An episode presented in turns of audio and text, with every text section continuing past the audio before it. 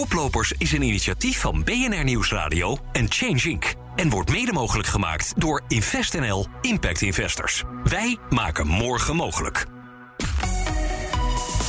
BNR Nieuwsradio. Koplopers. Liesbeth Staats en Werner Schouten. Je luistert naar Koplopers, een programma over inspirerende innovaties voor een duurzame wereld. In samenwerking met Change Inc. Ik ben Lisbeth Staats en samen met klimaatexpert Werner Schouten ga ik op zoek naar echte oplossingen voor de duurzame uitdagingen van nu. Met vandaag het innovatie-ecosysteem van Nederland.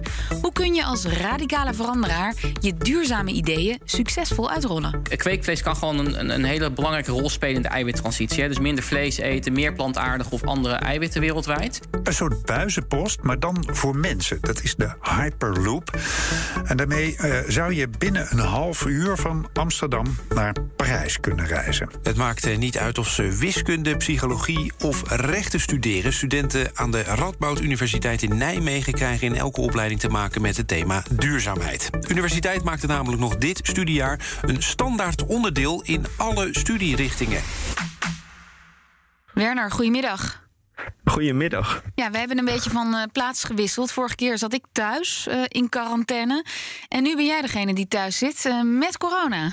Hoe voel je je? Ja, ik ben positief getest. Ik voel me goed en gelukkig kan ik online meedoen vandaag. Ja, heel goed. En je klinkt hartstikke goed. Gaat helemaal goed komen. Wat, wat viel jou op het nieuws deze week? Ja, ondanks uh, alle oproepen en steunbetuigingen van bedrijven om te verduurzamen, blijkt uit een recent onderzoek van advieskantoor PwC dat slechts de helft van de bedrijven over de hele wereld concrete klimaatdoelen heeft geformuleerd. De helft en dat maar. is natuurlijk wel uitermate treurig, ja. Ja. Ja, we hebben al 27 jaar uh, klimaattoppen die worden georganiseerd. En na al die tijd hebben bedrijven klimaat dus nog maar nauwelijks meegenomen in de strategie. Maar er was ook positief nieuws. Ja, inderdaad. Ja, regelmatig bungelt Nederland onderaan duurzaamheidslijstjes. Maar met de plaatsing van zonnepanelen doet Nederland het buitengewoon goed.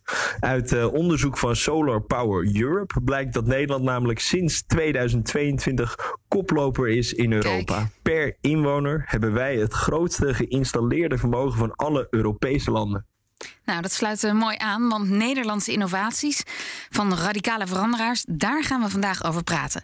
En onze eerste radicale veranderaar is Mark Post, ook wel eens de vleesprofessor genoemd. Hij is hoogleraar Sustainable Industrial Tissue Engineering en de oprichter van Moza Meat, waarmee hij in 2013 al de eerste kweekvleesburger wereldwijd presenteerde. Maar ook vandaag de dag toont hij nog relevantie, want Leonardo DiCaprio investeerde namelijk recent in Nou ja, dan, uh, dan geloven we meteen dat het echt een heel goed idee is. Welkom Mark. Blij hierbij te zijn. Uh, ja, inderdaad uh, interessant dat Leonardo daarin investeert. En uh, dat is voor ons natuurlijk een goede boost en, en, voor iedereen, denk ik. Zeker, daar gaan we het zo nog over hebben. Um, ik zei het net al, je bent al van voor 2013 bezig met kweekvlees. Ja, ik zie het nog niet op de menukaart in de meeste restaurants, ook niet in de supermarkt. Hoe hou je dat vol, zo'n heel lang proces? ja, nou, we wisten natuurlijk van tevoren dat dat een lang proces zou worden. Het is niet iets wat je van de ene op de andere dag kunt ontwikkelen. En um, wat voor ons natuurlijk, wij zien elke dag zien we verbeteringen. Of elke week zien we verbeteringen en stappen vooruit. Dus dat maakt dat wij uh, het wat dat betreft wat minder lastig hebben. Maar ik begrijp best dat mensen ongeduldig worden. Um, het is, het is gewoon iets wat, wat lang duurt. Kijk, voor iets maar de, de, de motivatie behouden is het. Sorry? Ja. De motivatie behouden is natuurlijk één, maar, maar het financieel volhouden is een, is een tweede. Jullie zijn vanaf 2013 al bezig. Jullie hebben medewerkers in dienst zonder dat er nog één burger is verkocht. Hoe, hoe hou je het financieel vol al die tijd? Uh, ja, dankzij investeerders. Uh, investeerders geloven hierin. Die, um, die uh, hebben een lange termijnvisie. Hè? Dus je, je moet wel een bepaald type investeerders hebben die uh, wat verder kijkt dan zeg maar vijf jaar. Um, en die zijn er gelukkig meer dan voldoende. Er zijn er heel veel die ook een missie hebben richting uh, duurzaamheid en misschien zelfs richting diervriendelijkheid. Dus gelukkig hebben we een mix van investeerders die die lange termijnvisie hebben en ook voldoende uh, ja, adem hebben om dit uh, langer uit te zitten met ons. En uh, voor, voor de mensen die nog helemaal niet zo bekend zijn met het idee van kweekvlees, kun je het nog even uitleggen? Het is echt vlees, maar ook weer niet. Hoe zat het ook alweer?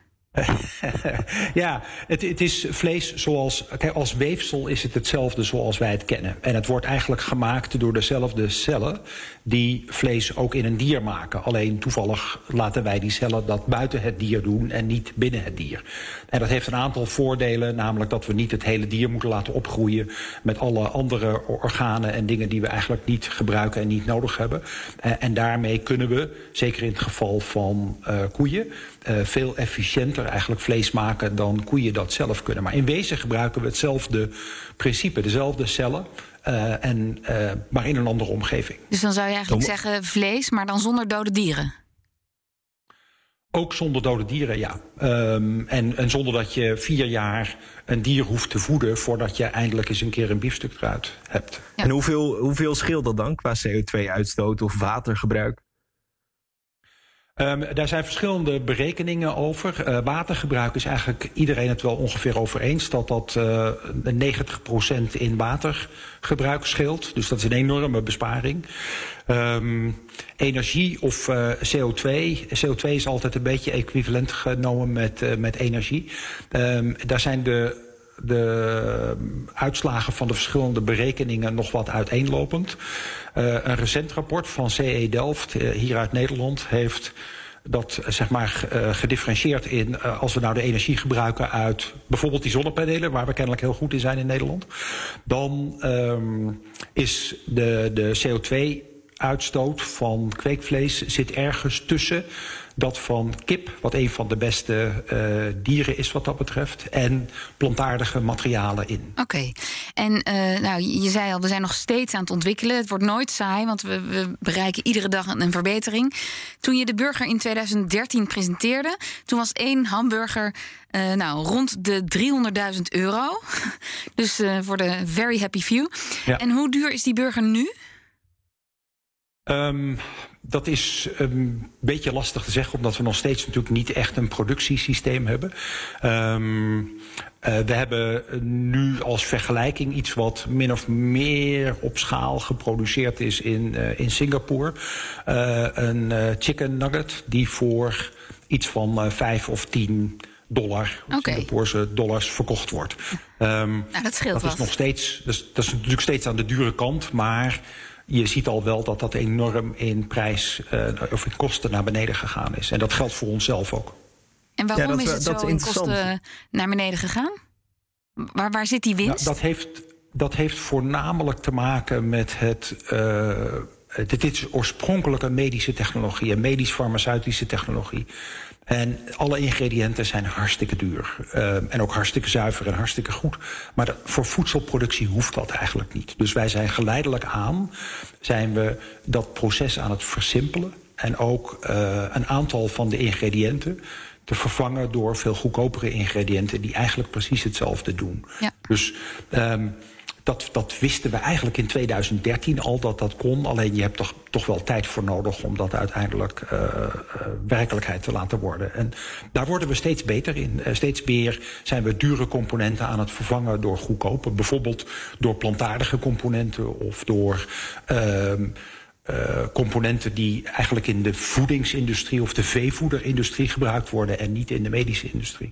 En dan even terug naar de, de reis die jij eigenlijk hebt afgelegd van wetenschapper naar ondernemer. In 2013 presenteerde jij de kweekvleesburger. Die kwam voort uit uh, wetenschappelijk onderzoek. Wat leidde ertoe dat je vervolgens de stap naar de onderneming Mozambique hebt gemaakt? Nou, eigenlijk een paar dingen. Eén uh, is dat als wetenschapper ben je heel vaak afhankelijk van publieke financiering, hè, van uh, NWO, van de EU uh, enzovoort. En dat bleek lastig. En ik denk dat dat voor, dat is ook een beetje het thema van jullie uitzending, denk ik. Zeker. Voor, voor radicale uh, veranderingen zijn de normale, min of meer democratische processen om financiering te krijgen langs publieke wegen eigenlijk niet zo heel erg geschikt. Ik vind dat heel lastig om te zeggen, omdat ik natuurlijk puur, puur een democraat ben. Maar voor die radicale dingen is dat gewoon niet zo heel erg handig. Je zou eigenlijk. Een dictatuur uh, uh, zou je willen hebben. Nou, ja, nee, maar zonder gekheid. In China gaat uh, op een gegeven ogenblik zegt de Chinese overheid gewoon: we gaan hier 300 miljoen in investeren. En er is niemand die blikt of bloost. Ja. Uh, terwijl hier uh, zeggen heel, moeten daar heel veel mensen naar kijken. En dan zegt er eentje, ja, maar ik vind het heel griezelig kweekvlees. En de andere zegt, niemand gaat dat ooit eten... zonder dat ze daar bewijs voor hebben. En dan, dan lukt het gewoon niet. Dan krijg je gewoon niet de handen ervoor op elkaar. En uh, ik, ik, pleit niet voor een dictatuur, maar wat wel fijn zou zijn... dat heb ik ook wel eens tegen... Nee, dat heb ik ook wel eens tegen MBO gezegd. Het zou wel fijn zijn als je een gedeelte van dat geld gewoon reserveert...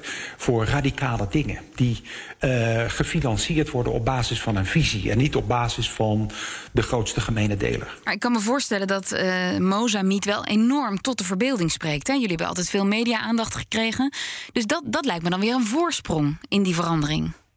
Nou, en daar hebben we ook heel veel profijt van gehad. Dus ik ben die discussie over die publieke, uh, uh, zaak, publieke financiering... ben ik een beetje uit de weg gegaan... doordat we tegelijkertijd heel veel interesse kregen van privé-investeerders. Ja. Um, en dus toen hebben we op een gegeven ogenblik maar gezegd van... nou, maar dan moeten we natuurlijk wel een bedrijf hebben... want anders hebben privé-investeerders er geen zin in. Dus dat was een van de redenen om het bedrijf te starten. De, de, de twee andere waren dat... Um, de aard van het werk, als je eenmaal wat meer grootschalig gaat produceren, gewoon niet past binnen een universiteit. Nee. Het, het, het, personeel is daar niet geschikt voor, is daar niet geïnteresseerd in. Uh, en een aantal andere structuren die daar niet goed voor zijn. Um, en de andere uh, reden was dat je natuurlijk gewoon, ja, uiteindelijk moet je dit iets tot een werkelijkheid maken. En dan moet het een bedrijf en een product worden en niet binnen de muren van de academie blijven. Dus dat waren de, de voornaamste redenen om te starten met dat bedrijf. Ja. En uh, ik heb dat een tijdje tegengehouden, omdat ik begreep al, al, vrij snel dat mijn leven daardoor ingewikkelder zou worden en complexer. En dat is ook zo. Maar goed, um, het is wel heel bevredigend. Dat is wat je moet accepteren. En met de kennis van Ja. nu uh, die je hebt en met de ervaring van Mozambique de afgelopen jaren, heb je een advies voor ondernemers die luisteren en die ook met een radicaal innovatief idee rondlopen en ja, dat, dat ook tot een succes willen maken? Uh, ja, ik, ik, vind dat heel lastig, hè, omdat uh, iedereen zit in een, in een specifieke situatie. Wij hadden het geluk dat uh, een hamburger uit stamcellen heel aanspreekt bij de bevolking en bij de media en bij investeerders. Dat moet je natuurlijk maar net hebben met je onderwerp. Maar wij hebben wel gemerkt dat door veel eerder in, in een heel vroeg stadium die, die in 2013 die hamburger te presenteren. En dus in feite de media en het publieke debat op te zoeken. En de bekendheid op te zoeken. Dat heeft ons heel erg geholpen bij het uh, enthousiasmeren Ja. van uh, privéfinanciering. Zoek de media. Dankjewel Mark Post, hoogleraar Sustainable Industrial Tissue Engineering en oprichter van Mozambique. Ja, Mark Post heeft dus geen gebrek aan uh, aandacht van media, partners en, uh, en, investeerders. Het is natuurlijk ook, wel een innovatie die tot de verbeelding spreekt. Maar ook het onderzoek blijkt wel dat juist hoopvolle innovaties die niet zo ja, media aantrekkelijk zijn, uh, ook zo minder snel groeien tot echt een grote onderneming. Dus dat is nog wel een leerpuntje voor Nederland, denk ik. Ja, dat ook de onderwerpen en de start-ups die niet zo sexy zijn eh, op het eerste gezicht, dat die ook aandacht en geld krijgen. Ja, met 1000 kilometer per uur intercontinentaal reizen. Ja, kun jij je dat voorstellen, Werner? nou, uh, met het vliegtuig wel. Met het vliegtuig wel, maar goed, dit is anders. Want bij ons in de studio is Mars Geuze. Hij is medeoprichter van Hart. Het bedrijf dat onze manier van reizen radicaal op de schop moet gaan zetten... met de zogenaamde Hyperloop. Welkom, Mars. Dankjewel. Ja, ik wil natuurlijk meteen weten... wanneer kan ik zo snel intercontinentaal en duurzaam reizen? Wanneer kan Ja. ik instappen? Nou, De ambitie van uh, verschillende overheden in de wereld is al om de eerste route voor 2030 te realiseren. Ja? Uh, en dat, dat heb je natuurlijk eigenlijk nodig, dat je ergens een keer een eerste route bouwt.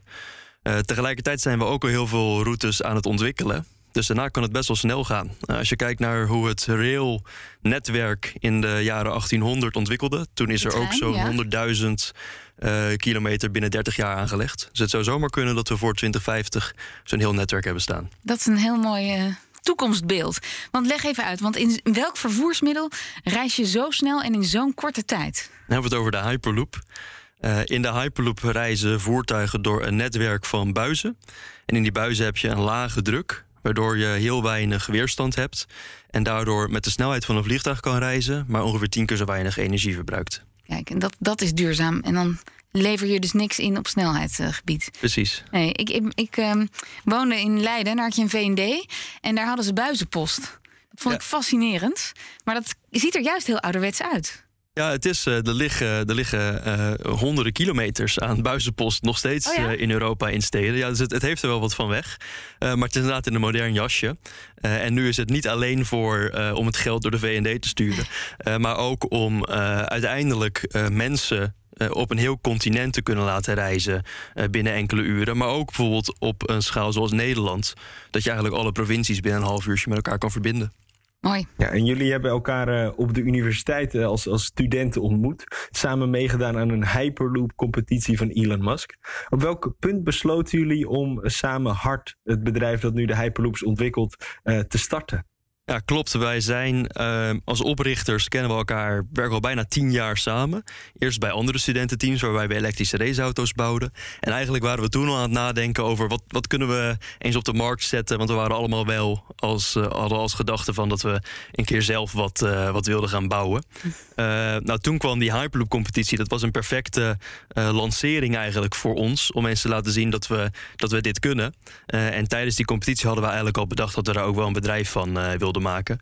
En het gelukkige was dat de competitie uiteindelijk met een half jaar was uitgesteld. Dus nadat wij het eigenlijk allemaal af hadden, hadden we een half jaar om ons goed voor te bereiden op de lancering net na het winnen van de competitie.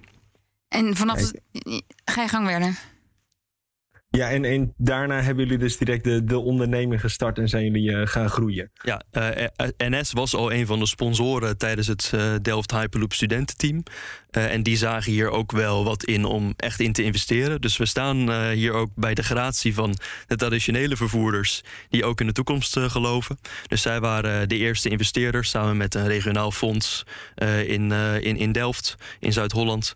En sindsdien hebben we ja, veel andere investeerders mogen verwelkomen. En vanaf de start hadden jullie eigenlijk al veel media-aandacht. Net als Mark Post zojuist van, eh, van Mozambique ook al had. Eh, iedereen wilde jullie hebben. Maar ja, op een gegeven moment appt die media-aandacht natuurlijk ook weg. Eh, dan komt het minder romantische deel van het ondernemerschap, neem ik aan. Dan moet je het gaan waarmaken. Is, is dat een moeilijke fase? Nou, wij zijn eigenlijk, omdat we altijd al bezig zijn geweest met in hele korte periodes projecten van de grond krijgen, eh, is dat ook altijd onze mindset geweest. Dus we zijn ook constant bezig met eh, eh, stapjes zetten om zo dicht mogelijk bij ons doel te komen. Dus we hebben het eigenlijk best wel goed voor elkaar om, om toch elke, elke paar maanden weer een nieuw stapje te kunnen zetten waarmee we eh, aandacht kunnen krijgen. En wat ook handig is, is dat er verschillende bedrijven in de wereld aan Hyperloop werken. Die ook op allerlei verschillende plekken bijvoorbeeld routes ontwikkelen, nieuwe tests doen. En elke keer als dat gebeurt, komen wij natuurlijk ook weer in de aandacht. Dus het is eh, eh, wij en onze conculega's eh, helpen elkaar ook op die manier om samen de markt te vormen. Ja, dus die mediabekendheid die duurt voort. Maar zo'n onderneming gaat ook niet zonder tegenslagen. Tenminste, jullie eh, CEO Tim Hout die zei in 2017 dat er al in 2021 een werkend Hyperloop systeem kan liggen. Jou hoorde ik zojuist zeggen dat het pas rond 2030 kan zijn. Komt dat door onvoorziene tegenvallers of was dat gewoon jeugdig optimisme vroeger? Eh, het is een combinatie van jeugdig optimisme voor ehm, hoe snel je de financiering rond kan krijgen als bedrijf om zoiets iets van de grond te krijgen.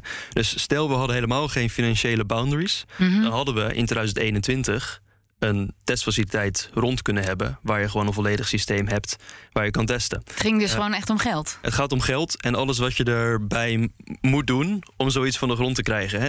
Ik zie het altijd een beetje als een cycle. Eh, als je uiteindelijk een Hyperloop wil bouwen, moet je bewijzen dat hij werkt. Ehm, en om het, de financiering te krijgen om hem te testen, heb je eigenlijk een markt nodig. Oftewel klanten die zeggen dat ze hem willen afnemen. Ja. Nou, die twee dingen die, ja, die komen niet tegelijk. Dus je moet aan allebei de kanten constant een beetje pushen. Ehm, maar nu zijn we wel goed op eh, weg eh, met een nieuwe testfaciliteit in Groningen. Om in 2023 wel alle tests gedaan te hebben. Ehm, eh, om te laten zien dat alles werkt. 2023, nou dat is Ja. niet zo ver weg, dat is volgend jaar. En, en hoe ervaar jij de omstandigheden sowieso in Nederland als het aankomt op dit soort radicale innovaties? Is het makkelijk om dit hier van de grond te krijgen? Want we hoorden net ehm, Mark zeggen, Mark Post zeggen van Mozambique, van ja, nee, eh, democratie werkt niet altijd mee bij dit soort eh, zaken. Nou, je moet overal denk ik ook het positieve in zien. Ehm, wij hebben denk ik in Nederland een hele goede positie op het gebied van onze reputatie, van het ontwikkelen, uh, maar ook het, bijvoorbeeld het certificeren van infrastructuren. Uh, en juist uh, dat democratische proces, waardoor je ervoor zorgt dat je eigenlijk vanaf het begin de juiste Hyperloop bouwt en dat die veilig is, dat is iets wat ons uh, op het wereldtoneel juist heel goed uh, siert. Hè. Een veilig alle... land. Dit is een, betrouwbaar systeem. Precies, ja. dus als jij hier een Hyperloop hebt ontwikkeld... dan heb je ook de juiste basis voor een wereldwijde standaard. En dat zie je eigenlijk met alle klanten wereldwijd... waar je misschien verwacht dat je dit sneller van de grond zou krijgen... bijvoorbeeld in een woestijn. Uh, die kijken naar ons... omdat wij met het Europese proces uh, waarschijnlijk het, ja, het, het, het meest aantrekkelijke hypersysteem kunnen leveren. Dus al die hindernissen, die maken jullie eigenlijk heel veel waard. Zo van, nou ja, als het je hier lukt, dan moet het wel heel goed zijn. Exact, ja. Dus wat dat betreft uh, zijn wij heel blij met uh, de processen die hier allemaal bestaan. want dat geeft ons juist een marktvoordeel. Maar, maar Mars, in, in de Verenigde Staten wordt al getest met mensen die in die capsules door die buis heen gaan. Dat, dat moet toch wel jaloersmakend voor jullie zijn? Um, nou, er wordt daar inderdaad getest uh, met passagiers. Je kan natuurlijk volledig met private middelen wel een, uh, een proces doorlopen dat je veilig met passagiers kan testen. Uh, wat wel zo is, is dat daar nog technologieën gebruikt worden die niet geschikt zijn voor een uiteindelijke Hyperloop. Uh, en dat ook dat heel erg privaat gedreven wordt. En wat wij niet geloven is dat je gewoon ergens een Hyperloop kan gaan bouwen en tickets kan verkopen aan uh, passagiers. Uiteindelijk heb je daar leiderschap nodig van de publieke sector. Um, en uh, zoals ik net al zei, het, het, versterkt elkaar. Kijk, doordat zij die dingen gedaan hebben, heeft Hyperloop weer meer aandacht gekregen. maar wij denken toch dat door meer met de publieke sector samen te werken om uiteindelijk routes van de grond te krijgen, um, dat dat de uiteindelijke weg naar de markt is. En wat zou jouw advies zijn aan mensen die zelf nu luisteren en denken: ja, dit wil ik ook. Of ik heb ook zo'n radicaal idee. Ja, de eerste stap is denk ik altijd om goed te kijken of dit idee op de lange termijn echt uh, voet in de aarde heeft. Of het echt kan, of de business case klopt. Um, en vervolgens is het, uh, ja, zit er niks anders op dan het gewoon te doen. En zo snel mogelijk uh, resultaten te boeken, zodat je dingen kan laten zien. En dat je mensen het vertrouwen kan geven dat je het echt kan realiseren. Dankjewel, Mars Scheuze van Dankjewel. Hyperloop. Ja, wat me opviel in beide verhalen is dat toch het wel moeilijk blijft om, om publieke financiering op te halen voor zulke radicale innovaties. Veel geld gaat toch nog wel naar ja, het bestaande bedrijfsleven en niet zulke nieuwkomers. Maar wat ik dan wel weer positief vond, uh, Mars Scheuze van Hyperloop, die zegt wel, ja, juist omdat het hier ja, veel een soort hindernisbaan is, dan wordt je product uiteindelijk ook wel echt goed. En in ieder geval wordt dat in de rest van de wereld dan zo ervaren. Van nou, dan, dan, dan moet het echt wel goed zijn. Ja, regelgeving levert dus ook uh, kwaliteit op. En dat was hem weer. Dank voor het luisteren naar Koplopers. Je kunt deze uitzending natuurlijk terugluisteren via de BNR-app en via bnr.nl, maar natuurlijk ook op jouw favoriete podcastplatform. Koplopers is een initiatief van BNR Nieuwsradio en Change Inc. En wordt mede mogelijk gemaakt door ASR. Voor al uw duurzame zakelijke verzekeringen. ASR doet het.